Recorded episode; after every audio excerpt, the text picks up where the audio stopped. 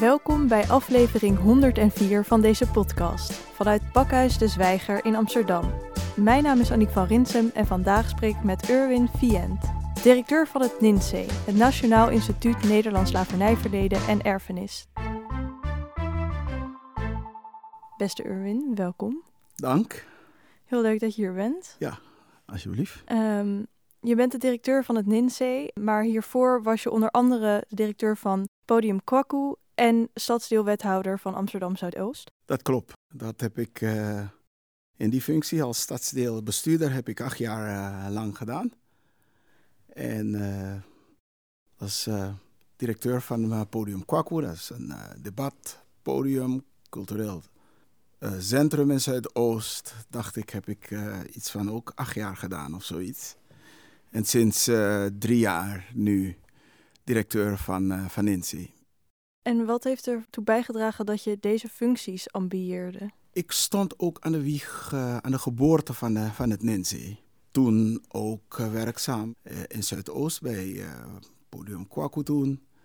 Heb ik een, een, conferentie georganiseerd. De toekomst van het slavernijverleden. En ja, van, vanuit de, die hoedanigheid hebben we ook verschillende activiteiten rond uh, het slavernijverleden uh, georganiseerd. Om te lobbyen voor, voor aandacht voor het slavernijverleden. Ik had zelfs ook met professor Lamuur, dokter Derveld en een aantal anderen ook nog. De voormalige voorzitter van het NINSE, de heer Campbell, hadden we een, ook een instituut opgezet, Caribisch-Afrikaans Instituut Nederland.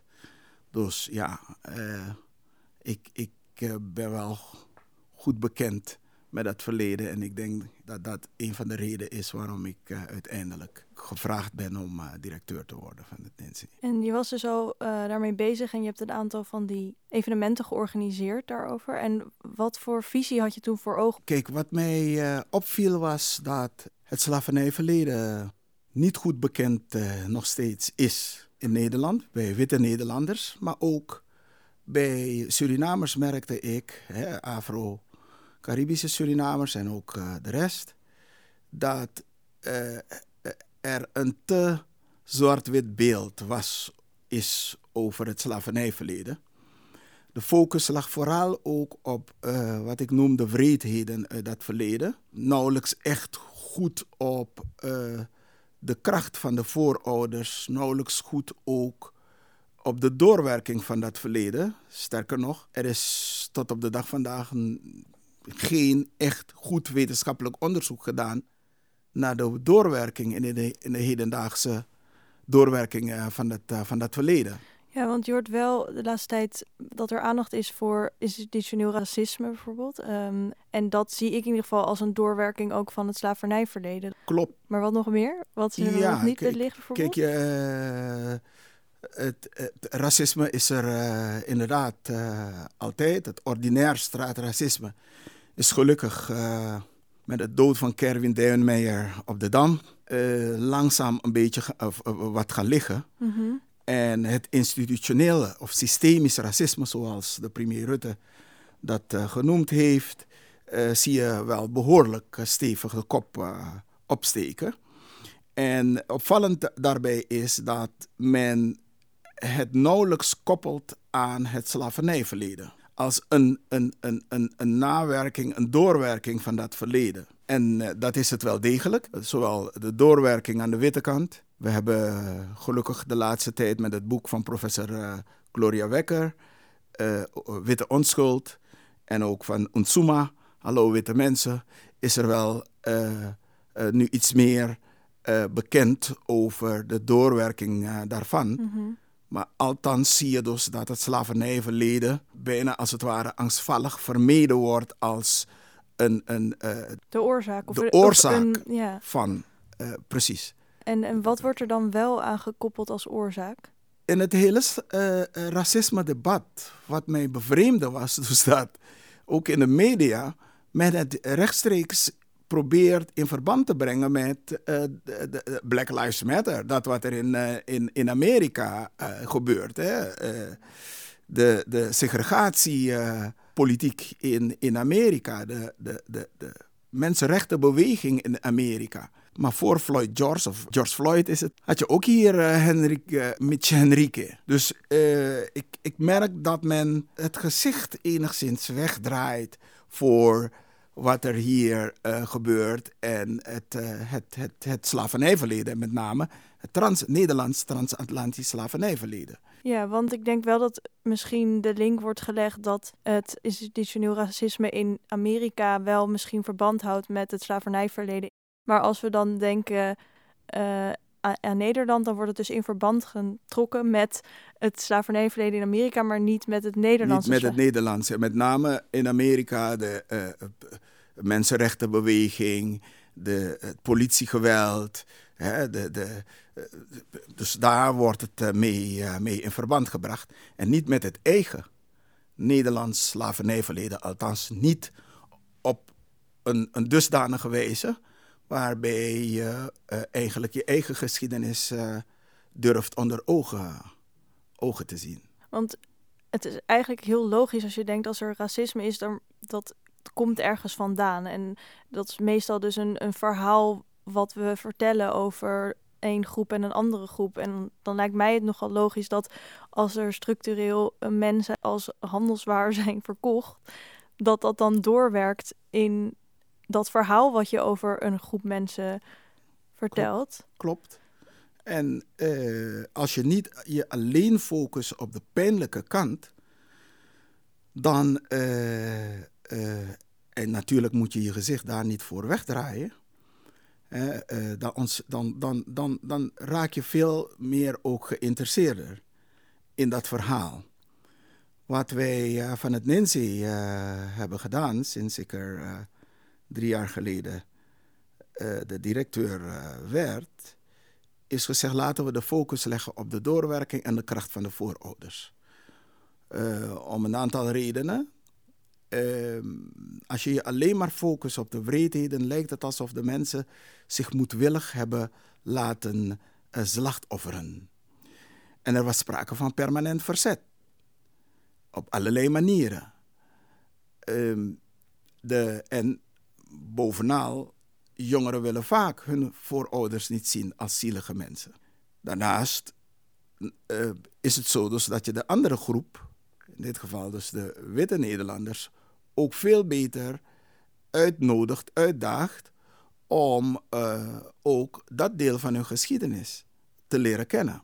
Dus dat is wat we gedaan hebben binnen NCN. Ja, we zien dus dat dat wel, dat verhaal nu veel beter nu aankomt om uiteindelijk het volledig verhaal te vertellen. Dus ook de wreedheden, ook de dingen die uh, de, de, foutieve verhoudingen, het onderdrukkend mechanisme, het systeem van onderdrukking. En wat zijn bijvoorbeeld van, uh, voorbeelden van die verhalen van verzet? Ja, laat mij twee noemen. De vrede die de Marons hebben, ge hebben getekend met de koloniale machthebbers.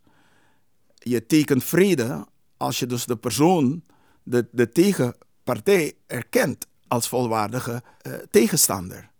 Uh, en het slavensysteem was juist gebaseerd om de mensen niet te zien als volwaardige mensen. Mm -hmm. Nou, de Marons hebben, ze, uh, hebben de, de, de, koloniale machthebbers gedwongen om hen te zien als volwaardige mensen, om uiteindelijk vrede te tekenen. Een ander voorbeeld is de, toch wel de vele diepe filosofische wijsheden in vormen van wat wij in Suriname noemen de odos, gezegden, spreekwoorden, die de voorouders hebben ontwikkeld en bedacht. Het, het gegeven om toch het Surinaamse, de, de Surinaamse taal te blijven ontwikkelen, blijven spreken, ondanks dat het later na afschaffing van de slavernij niet meer mocht.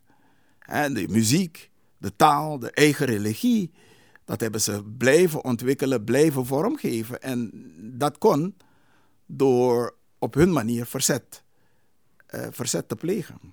Ja, dus het is ook uh, juist het weer aandacht geven voor de eigen cultuur van hele groepen mensen eigenlijk. Ja, dus het, het, is, het, is, het is vooral ook gezamenlijk proberen de, je, je eigen identiteit niet te laten bepalen door de de, de onderdrukkers, maar dat je daar zelf invulling aan, uh, aan geeft. En dat deden ze door middel van uh, op allerlei manieren, gezegde muziek, zang, dans.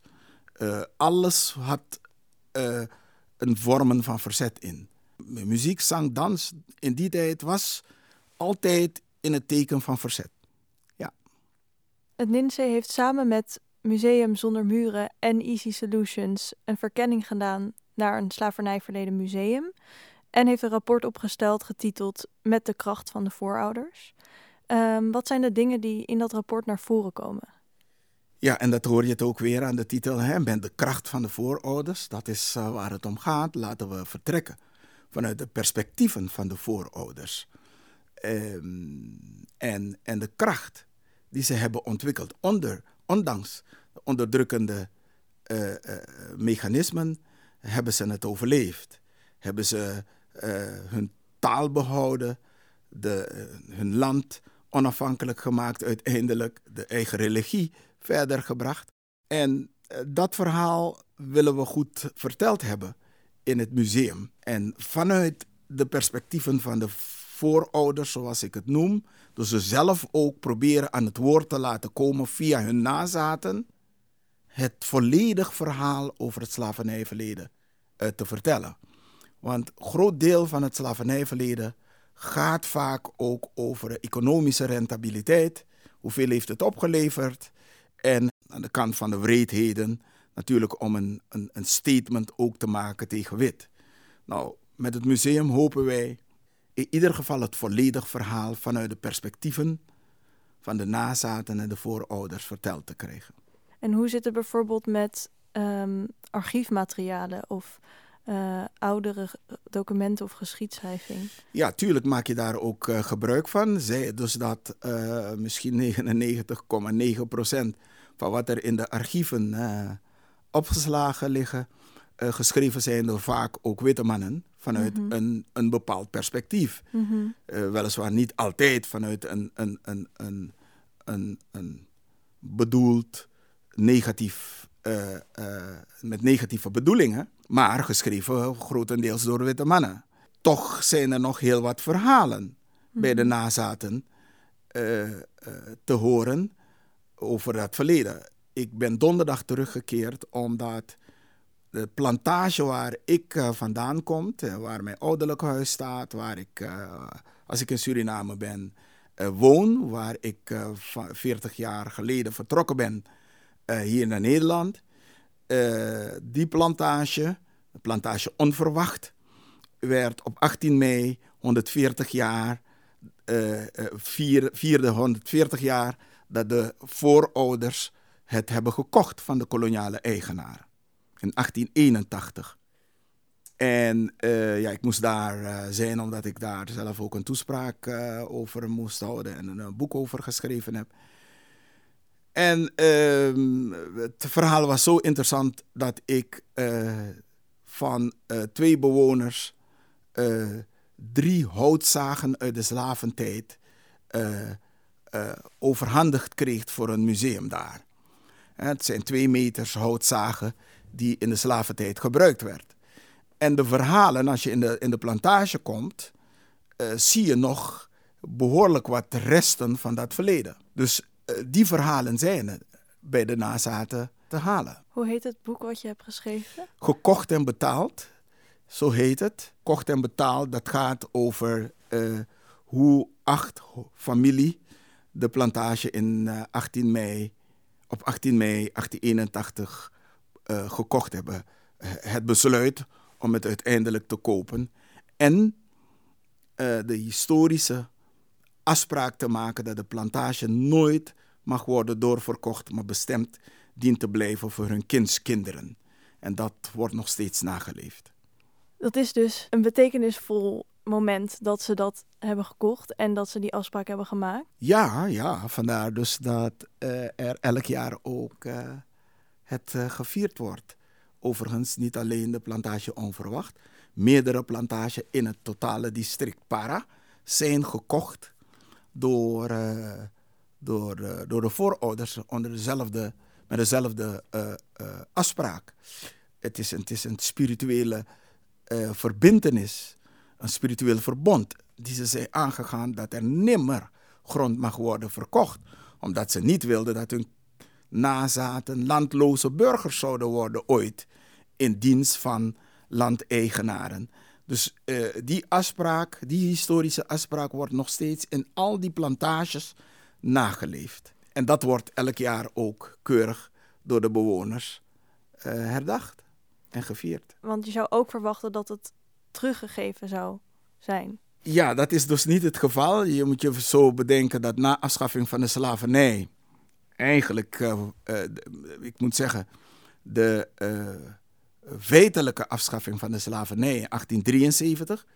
Wettelijk was het in 63 afgeschaft, 1863. Maar ja, de Nederlandse, echt op Nederlandse uh, wijze is er toen besloten om nog tien jaar verplicht door te werken. En pas in 1873 werden de mensen daadwerkelijk ook vrij.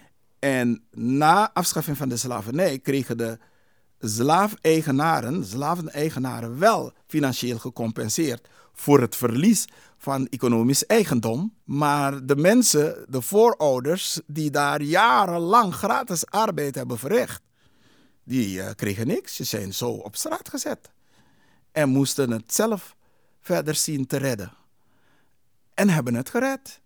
Op een of andere manier. Dat ze zelf in Para, in Coroni ook, uh, de plantages hebben gekocht. Terwijl je zou mogen verwachten dat ze het uh, eigenlijk gratis terugkregen. terugkregen. Maar dat was niet het geval. de plantage Onverwacht, de voorouders, hebben daar 3000 Nederlandse guldens voor moeten neertellen. En vertegenwoordigt nu een bedrag van miljoenen. En was dat dan nog bovenop de compensatie die ze kregen? Bovenop de compensatie die ze kregen. Ja, het is echt heel. Dat ja. zegt ook al zoveel dat dat ja, op zeker. die manier is gegaan. Zeker. Dus als er mensen zijn die zeggen van ja, het is al zo lang geleden. En uh, ja, mijn voorouders hadden er niks mee te maken. Ja, soms hoor je wel uh, witte Nederlanders dat zeggen.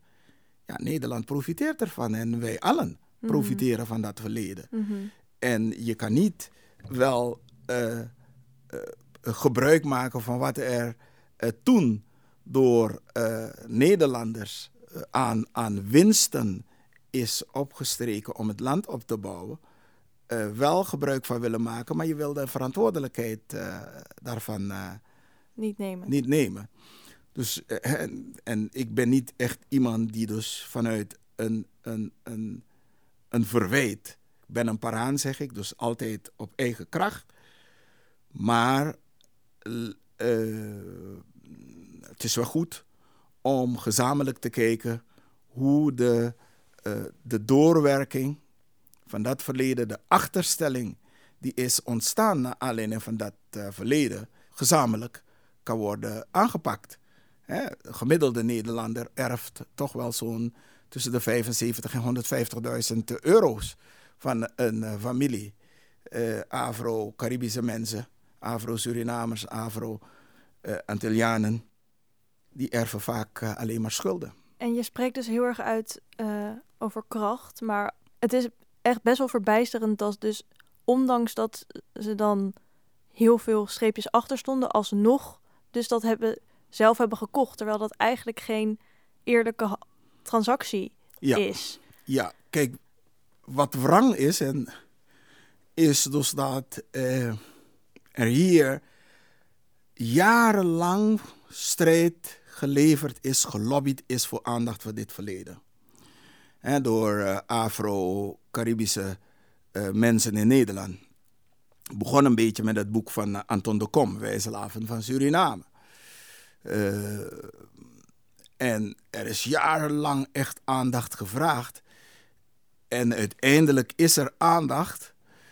Maar je zou wel mogen verwachten dat die aandacht er, dat er toch wel veel meer uh, en veel spontaner zou gaan. Veel, het gaat nogal een beetje stroperig. Gelukkig loopt Amsterdam voorop, heeft Amsterdam de durf genomen om te zeggen: we gaan een verkenning doen om een nationaal museum neer te zetten in Amsterdam. En sterker nog, aan het nadenken zijn en bereid zijn zelfs om excuses aan te bieden. En dus uh, wat dat betreft waardering voor het Amsterdamse bestuur. Maar je ziet dus dat er al op nationaal niveau er, ja, soms onbegrijpelijk, dat je wel profiteert van wat er toen uh, door de voorouders is, is tot stand gebracht, is, is, is, aangedaan. is aangedaan, om het zo te zeggen. Maar je verantwoordelijkheid wil je niet onder ogen zien. Je had het in het begin ook over dat er nooit echt goed onderzoek is gedaan. Wil je dan een sociaal-economisch onderzoek? Wil je een. Wat voor soort onderzoek? Hoe zie je dat onderzoek? Ja, ik denk dus dat het een multidisciplinair onderzoek moet zijn. Uh, zowel aan de uh, kant van de nazaten van tot uh, slaafgemaakte. En wellicht ook aan de witte kant. Hè. Het racisme komt daar vandaan hoe, uh, en ik geloof dat je racisme echt, zeker het systemisch racisme, echt goed kan aanpakken. En je kan allerlei wetten en, en, en regelgeving invoeren wat nodig is. Maar als er nog sprake is van achterstellingen, achterstanden aan de andere kant, ja, dan zal dat nauwelijks effect hebben. En uh, we zien bijvoorbeeld achterstellingen in het onderwijs, we zien achterstellingen op de arbeidsmarkt, we zien uh, achterstellingen zelfs ook in de politiek. als we kijken, gelukkig nu in de Tweede Kamer, zie je dus dat er nu echt nu, mensen van kleur nu vertegenwoordigd is. Ik wacht af om te zien of ook in het kabinet er mensen zo uh, komt met, met een kleur. Maar ik zou wel graag zien dus dat er onderzoek komt in, uh, de economische, op het economisch gebied. Uh, onderzoek op, op, het gebied van gezondheid, onderwijs, multidisciplinair. Ja, gewoon op, in elk vlak. Op elk maatschappelijk gebied da, zie je dus dat er wel een, een achter, achterstelling is. Ja, want het heeft natuurlijk en, ook invloed op elk aspect van de samenleving. En uh, uh, niet alleen op elk aspect van de zelf, samenleving, maar ook op elk aspect persoonlijk. En ook. Uh, in de, in de, in de, in de interetnische verhoudingen, in de sociale verhoudingen, in de, in de sociale contacten. Daar zit er. er, er, er, er is een, een, een, een historisch gegroeide wantrouw tegen de witte omgeving. En dat heeft ook weer te maken met dat verleden. Nou, laten we onderzoeken hoe, hoe, hoe, hoe, hoe, hoe, krijgt het vorm? Hoe, hoe, hoe beïnvloedt het de, de, de, de samenleving? Hoe beïnvloedt het het contact tussen wit en zwart? Maar ook tussen zwart-zwart onderling. Hoe zit het met beeldvorming? Uh, beeldvorming, uh, niet alleen zwart-wit, maar ook in de eigen, eigen zwarte, zwarte gemeenschap. En daar zou je echt goed wetenschappelijk onderzoek uh, naar moeten doen. En omdat er geen wetenschappelijk onderzoek uh, naar moeten doen, bestaat er allerlei volkswijsheden over, uh, en ja, over de achterstanden en achterstellingen die soms niet eenvoudig toe te schrijven is aan dat verleden. Man-vrouw verhoudingen, de generatiekloven en dergelijke. Daar zal je echt goed onderzoek naar moeten doen. En dat is iets waar uh, helaas uh, met de bezuiniging, het stopzetten van de subsidie van het NINSE in 2013, dat soort onderzoeken niet uh, heeft kunnen plaatsvinden. Je hebt het ook over contact met elkaar, maar het gaat ook al bijvoorbeeld over zelfbeeld. Want ik ken ook een clipje bijvoorbeeld dat kinderen twee poppen ja. te zien krijgen, een, een zwarte pop en een witte pop. En dan vraagt de onderzoeker welk kind is het slimst? En dan zegt hij een witte pop. En dan, zeg, dan zeggen witte kinderen wijzen naar de witte pop, die is het slimst. En zwarte kinderen wijzen ook, naar, de, witte, pop. Precies. En dat is zo. En dat niet alleen het slimste, wie is, wie is de baas, wie kan het meest, zeg maar alle positieve dingen die je kan bedenken. Klopt. Wie is, wie is het liefst, volgens mij zelfs Klopt. ook. Dat is beeldvorming en zelfbeeld, zeker. En dit is recent, dit is echt een recent onderzoek ook. Ja, maar je kijkt ook naar de beeldvorming hoe omgegaan wordt met de voormalige koloniën. Politiek wijs Suriname is, uh, daar is wel excuses voor aangeboden, maar uh, als field state neergezet. Uh, daarvoor was het een roversnest. Nou, als er één roversnest is, hoeven we niet ver te zoeken. Dus dat soort, dat soort beelden, die er leven, ja, het zou goed zijn om daar echt goed onderzoek naar te doen. Hoe, hoe, hoe, hoe, werkt het door in, in, in, de, in, de, uh, in de wijze waarop wij met elkaar omgaan? Dat onderzoek zouden wij en, uh, graag willen doen. En wij vanuit Ninzee proberen we nu het kennis, aandacht te vragen voor het weer versterken van het kenniscentrum van Ninzee. Kennisfunctie van, van. Mm -hmm. En dan gaat het ons niet zozeer echt om een onderzoeksinstituut te willen zijn, maar een kenniscentrum die dus agendeert en samen met uh, professionele onderzoeksinstellingen onderzoek doen en de resultaten dan vervolgens terugneemt naar de samenleving, populariseert. daar zijn we dus nu mee bezig om daar aandacht voor, aandacht voor te vragen. Mooi. En heel belangrijk, denk ik. Heel erg belangrijk. Want anders blijf je praten over institutioneel racisme. Blijf je uitgenodigd worden door de politiek, die wellicht ook uh, uh, misschien ook van, van goede wil zijn om daar iets mee te doen. En regelgeving, wetgeving.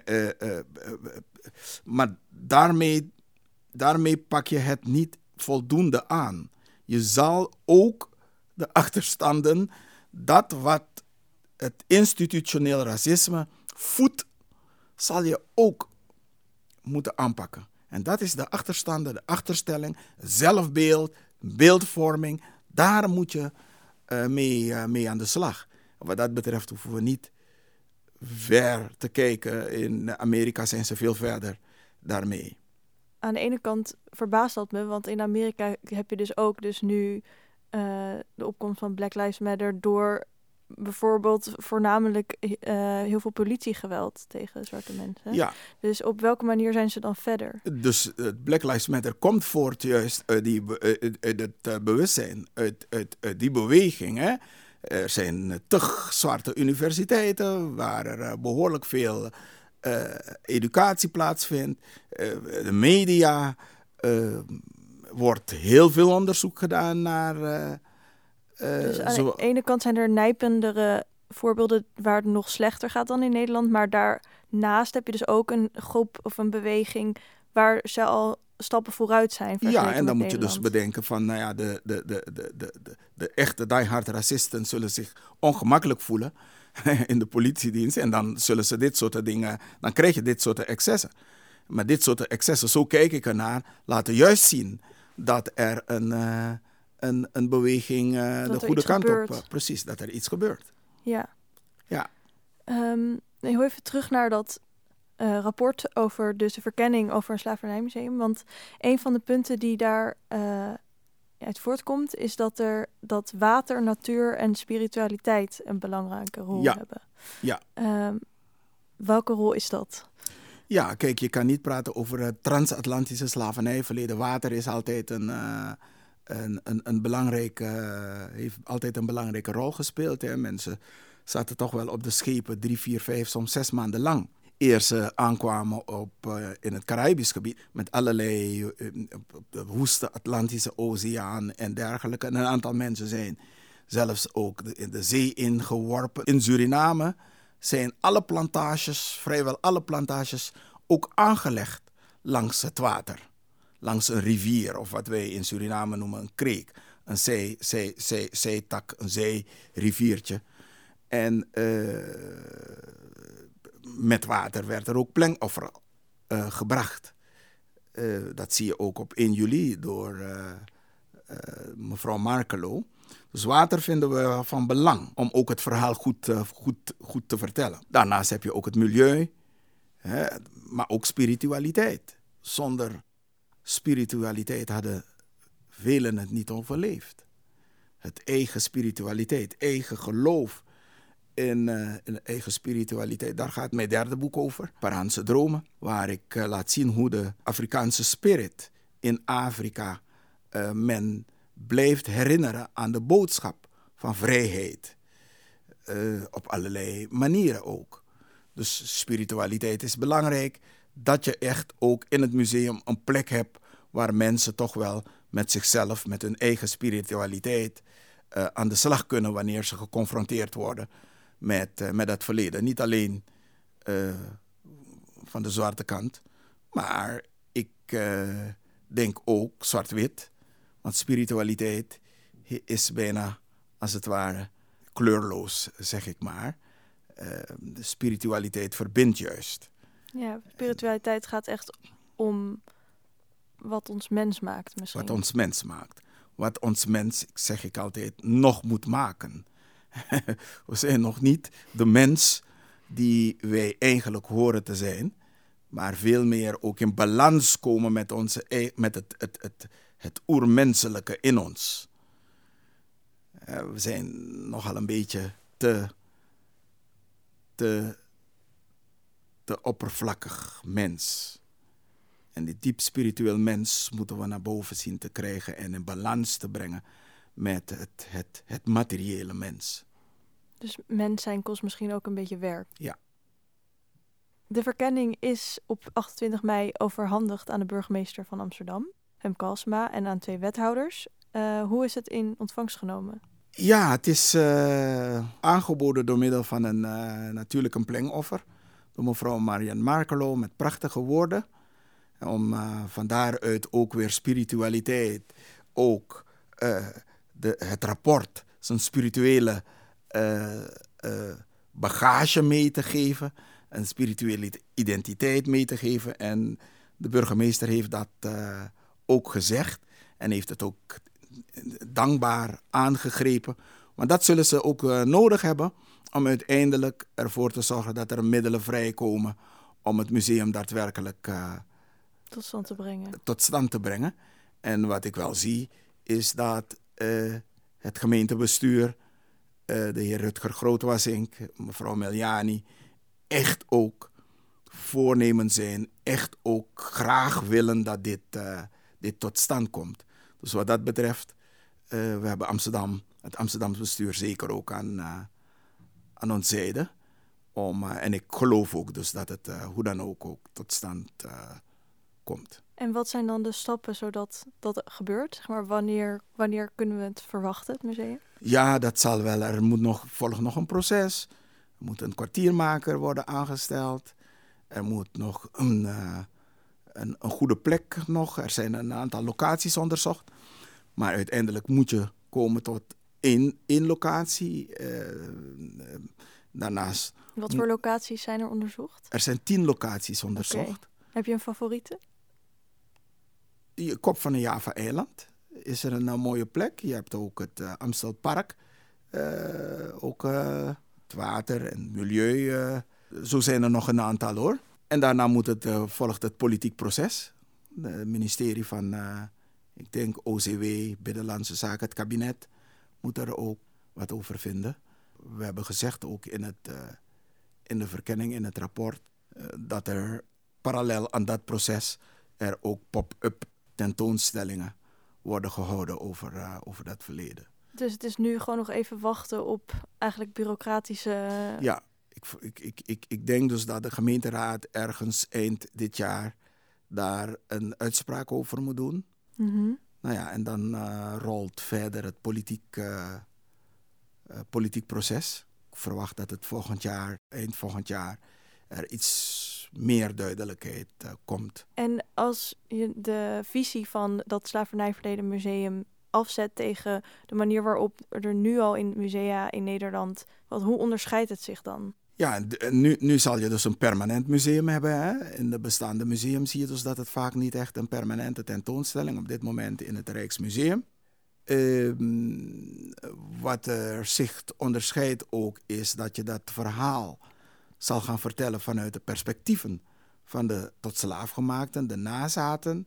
En je koppelt het, in het rapport hebben wij ook aangegeven dat er ook een kennisfunctie moet komen uh, om ook aan de slag te gaan met de uh, hedendaagse doorwerking van dat verleden. Dus daar ligt denk ik wel degelijk een, uh, meerwaarde van het museum. Dus het is niet alleen een historisch museum, maar ook echt een hedendaags museum? Het moet een uh, hedendaags museum zijn. Je zal niet alleen uh, uh, voorwerpen zien, je zal ook liederen horen, je zal ook muziek horen, je zal ook eh, theatervoorstellingen te zien krijgen. precies, te zien krijgen. noem maar op, voordrachten op allerlei manieren. Dat vertelt over, over dat verleden. En debatten, debatten, onderzoeksvoorstellen. Dus het is niet alleen een museum, het is echt een soort broeiplaats van. Het, is een, ja, het moet een soort van werkplaats gaan worden, ja. Want als je echt systemisch racisme wil aanpakken, moet je vooral ook de, de, de doorwerking, vooral juist de doorwerking van het verleden, goed in beeld brengen en, uh, en dat oppakken, aanpakken. En natuurlijk ook de achterstelling, die is ontstaan naar aanleiding van dat verleden. En wat is dan bijvoorbeeld iets, een tentoonstelling of een evenement of wat dan ook, wat dan in dat museum zou kunnen worden georganiseerd? Lindsay heeft, uh, er leeft allerlei beelden, met name bij de nazaten, over hoe dat verleden doorwerkt in onze eigen gemeenschap. soms worden groepsfalen rechtstreeks ook uh, toegeschreven aan, aan dat verleden, zonder dat daar echt goed wetenschappelijk onderzoek eh, naar gedaan is. Man-vrouw verhouding, uh, eenouder gezin bijvoorbeeld. Uh, nou, dit zijn interessante debatten, interessante thema's om daarmee aan de slag te gaan. Is dat zo? is er echt ook substantieel veel meer eenouder gezin? Zijn de vaders niet in beeld? Of willen ze niet in beeld komen? Heeft dat te maken met het verleden. Binnen de Surinaamse gemeenschap, Afro-Surinaamse gemeenschap en misschien Antilliaanse gemeenschap ook, is dat er gezegd wordt, ja, het feit dat er te veel eenoudergezinnen voorkomen, heeft te maken met het feit dus dat uh, tijdens de slaventijd mensen doorverkocht werden en geen gezinsleven uh, mochten opbouwen. Hè? Want uh, de ene mannelijke slaaf kon makkelijk worden verkocht aan een andere plantage terwijl die hier kinderen verwekt had en dat soort, uh, dat soort zaken. En daar is geen echt wetens goed wetenschappelijk onderzoek naar gedaan. Mm En men, men weet het soms makkelijk toe, vind ik. En misschien niet, niet, misschien niet onterecht aan, aan dat verleden. En dat groter debat daarover, het groot onderzoek daarover, is nog niet uh, gedaan. Mm -hmm. En zo'n museum. Een moeilijk uh, onderzoek om te doen, lijkt me. Toch lijkt het mij wel een onderzoek die, uh, als je het multidisciplinair goed, goed oppakt, dat je het wel, wel kunt, kunt doen. Ja, ik, ik, ik kom uit Para en de Paraanse geschiedenis is verschild. Het leven op de Paraplantages verschilde bijvoorbeeld van het leven op de plantages elders in het land. Dus in zoverre zou je daar echt vergelijkend goed onderzoek uh, kunnen doen. Heel interessant. En dit is waarschijnlijk gewoon een voorbeeld van één van de dingen die je kan, kan onderzoeken. En dat zijn er waarschijnlijk heel veel meer.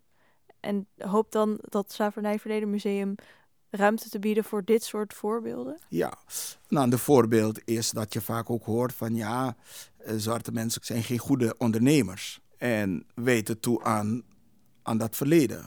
Maar in wezen is dat niet waar. Want na afschaffing van de slavernij waren velen van hun juist ondernemers. Het hele middenstand bijvoorbeeld in Suriname was zo wat in handen van, uh, van nazaten. Van tot slaafgemaakte. Kon niet anders. Want ze moesten overleven, ze kregen geen geld. Dus uh, hadden ze eigen schoenmakerszaken opgezet. Hadden, uh, waren kleermakers, waren blikslagers, schilders, uh, koelkasten, noem ze maar op. Maar dat beeld leeft. Ja, er zijn dus nog heel veel vraagtekens eigenlijk over de identiteit van een hele groep mensen. Klopt. En het is dus een manier om um, die vraagtekens te vervangen door verhalen en daar een plek voor te geven. Klopt. Klopt. Dus onderzoek is meer dan nodig. En ik blijf het herhalen. Wil je het uh, racisme aanpakken?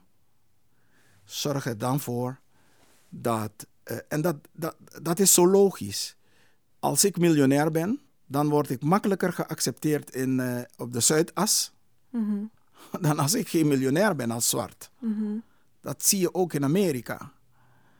Nou, zorg ervoor dat de achterstanden weggewerkt wordt, dan verdwijnt, uh, ik zal niet zeggen verdwijnen, maar dan, dan, dan, dan, dan uh, ja, het is pak je één, harder. Ja, het is gewoon één aspect ervan. Want dus en die socio-economische uh, achterstand moet weggewerkt worden, maar ook de culturele achterstelling eigenlijk. Want inderdaad wordt in musea nu wordt het verhaal verteld van de witte Nederlander. En niet van de tot slaaf gemaakte zwarte Nederlanders. Maar daarmee schoon je ook het, het, het, het witte cultureel archief automatisch uh, wordt opgeschoond. Mm want daar zit heel veel uh, uh, negatieve kwesties over dat verleden. Mm -hmm. het, het, het, witte cultureel archief zit nog vol met, met beelden, foutieve beelden en denkbeelden en, en, en, en, en, noem maar op. Ja. Ja. Ja, het is dus ook, het is gewoon mooier om een, alle kanten te belichten ook. Klopt, klopt. En, en de waarheid maakt vrij, zeggen ze. En dan, dan zowel aan de witte kant als aan de zwarte kant, uh, als je de, de, de, de waarheid uh, nadert, benadert, als je de waarheid durft op zoek te gaan naar de waarheid, dan voel je je ook veel, veel vrijer. Je bent dan spiritueel veel meer in, kom je veel meer in balans met, met jezelf en je omgeving. Dus het is een win-win. En dat is waar er, vind ik, uh, naar gestreefd moet worden. Ja. Ik geloof je natuurlijk heel, helemaal. Um, en waarom is er dan zoveel twijfel en afwachten? Ja, het geeft soms mensen een, uh, een bepaald machtsgevoel. Hè? Ik heb macht over jou. En uh, tegelijkertijd, ja, uh, mensen willen vaak soms uit een zekere schuld schuldgevoel, schuldbewustzijn. Het niet hebben over dat verleden. En soms ook uit angst. Denk, ook dat is een interessant onderzoek waard. Om te weten hoe dat. Uh, we hebben een, ook een onderzoek proberen we op te zetten vanuit NINSE Emotienetwerk. Hoe ga je om hoe wordt er omgegaan met het slavernijverleden? Met de, de, hoe uitzicht dat? Hoe, hoe, hoe ervaar je dat? En, en, en hoe geef je uiting aan dat wat je ervaart of denkt over dat verleden? Zeer interessante uh, vraagstukken, vragen om, uh, om te onderzoeken. Er moet dus ontzettend veel nog onderzocht worden. En een museum kan daarin een plek zijn om dat in ieder geval naar voren te laten brengen. En het Ninzee is een plek waar er al heel veel onderzocht wordt. Ja, die, die het, de plek om, om, om, om het te thematiseren, hè, om, om te agenderen. En vervolgens samen met het museum uh, te populariseren. Dat zou wel fantastisch zijn als het. Uh, dat is ons streven. Ja, want populariseren het is volgens mij ook een idee dat uh, een bezoek of minimaal één bezoek aan het museum standaard wordt voor ieder kind dat in Nederland opgroeit. Ja. Als klopt. gewoon deel van het curriculum. Klopt. Dus een museum waarbij iedereen, niemand zich angstig hoeft te voelen om er te komen. Het moet een museum zijn waar echt alles en iedereen juist uitgenodigd wordt, uitgedaagd wordt om er, uh, om er te zijn, omdat je dan van daaruit uh, ook beter in staat, hopen wij dan, beter ook uh, de samenleving begrijpt en beter ook je bijdrage ook kan leveren aan systemisch, het voorkomen van systemisch racisme of institutioneel racisme. Dus dat is wat wij willen bewerkstelligen met het museum. Een sociale verandering teweeg brengen. En we denken dus dat met ons rapport, zoals wij het hebben neergezet, dat dat uh, moet kunnen lukken. Ja, en dat zat er ook al jaren, het had al veel eerder eigenlijk. Uh... Ja, zeker, maar liever laat dan nooit. ja, ik ben blij dus dat in ieder geval er uh, nu eindelijk een rapport ligt. Maar het is ook wel lastig, want aan de ene kant had het al veel eerder gemoeten, maar hoe langer je wacht, hoe makkelijker het ook is om te zeggen, ja, maar het is al zo lang geleden, Precies. dat verleden. Precies. En het, is, het zal niet over zijn zolang je het niet op een manier, op een serieuze, volwaardige manier mee, uh, mee aan de slag gaat. Ja. En, en ja, dus als je daar niet iets mee doet, over 100 jaar pakken de, pak de generatie het weer op. Ja. Ja. Dus nu is de tijd. Nu is de tijd. Um, vorig jaar gingen de Kitty Kotti, ofwel verbroken ketens, vieringen uh, niet door vanwege corona. Uh, en ook de excuses die de stad Amsterdam zou maken voor diens rol in het slavernijverleden zijn uitgesteld.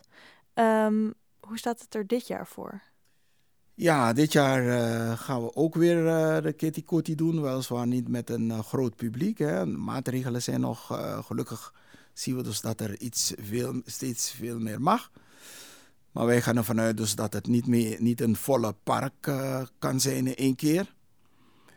En het is, we hebben nog geen duidelijke helder signaal nog gekregen van van de gemeente Amsterdam. Ik begrijp dus dat ze heel binnenkort daar een besluit over gaan nemen. Of ze dit jaar wel of geen excuses gaan maken. En hoe zie jij het in? Denk je dat het gaat gebeuren? Mm, ik zie dus dat de wil aanwezig is. Dus het is maar net afwachten wat het college, en ik weet niet of de gemeenteraad daarover gaat. Maar mocht. Uh, er is wel een, een, een, een, gelukkig een politieke wil, is er, een politieke meerderheid is er. Dus ja. Vorig jaar zei je tegen Dagblad Trouw dat je het beleid in Nederland te veel op praten gericht vindt. Hoe kijk je daar nu naar? Ja, ik vind. Uh, ik zie wel goede stappen nogmaals. Uh, er, uh, Amsterdam heeft een beetje daad bij het woord gevoegd door een, een verkenning te laten doen. Nu moet dus de volgende stap. Het museum moet er komen.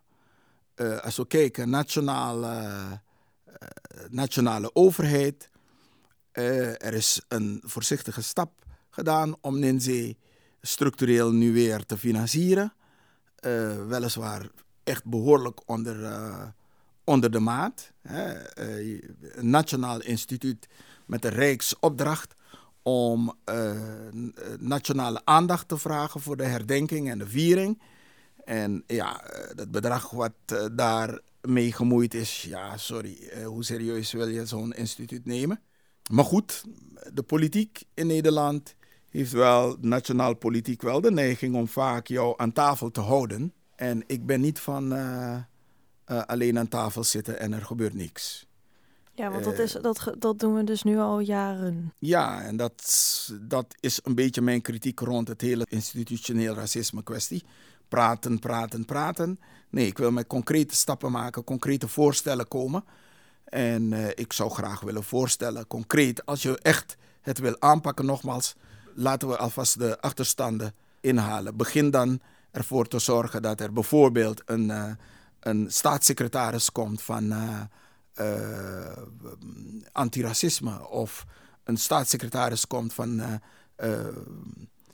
doorwerking achter, verkleinen, achterstelling, slavernijverleden of zo on. Zoiets. Dan voeg je dat bij het woord.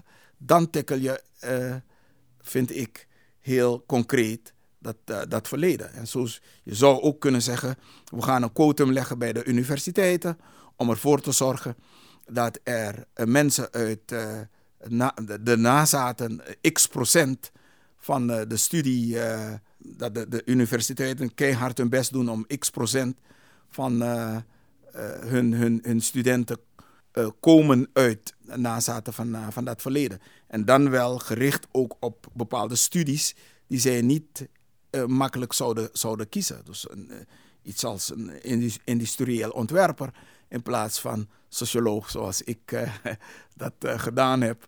Of in de zorg of, of iets dergelijks. Hè? Dus ja, dan, dan zet je concrete stappen, vind ik. Ja, en dit zijn al heel veel mooie voorbeelden. Wat hoop je dat de komende jaren aan actie zal worden ondernomen?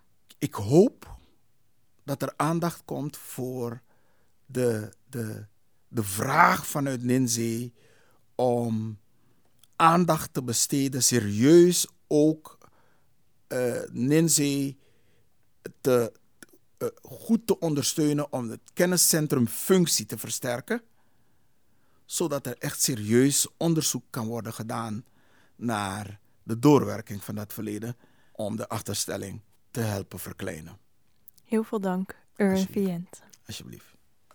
Beste luisteraars, dit was aflevering 104 van de podcastserie van Pakhuis de Zwijger. Wil je meer weten? Kijk dan op dinsdag 15 juni om 6 uur naar lancering Verkenning Slavernij Museum via dezwijger.nl slash live. Een rating achterlaten of je abonneren op deze podcast kan via Soundcloud, Spotify, Apple Podcast of een ander podcastplatform. Dank voor het luisteren en tot de volgende keer.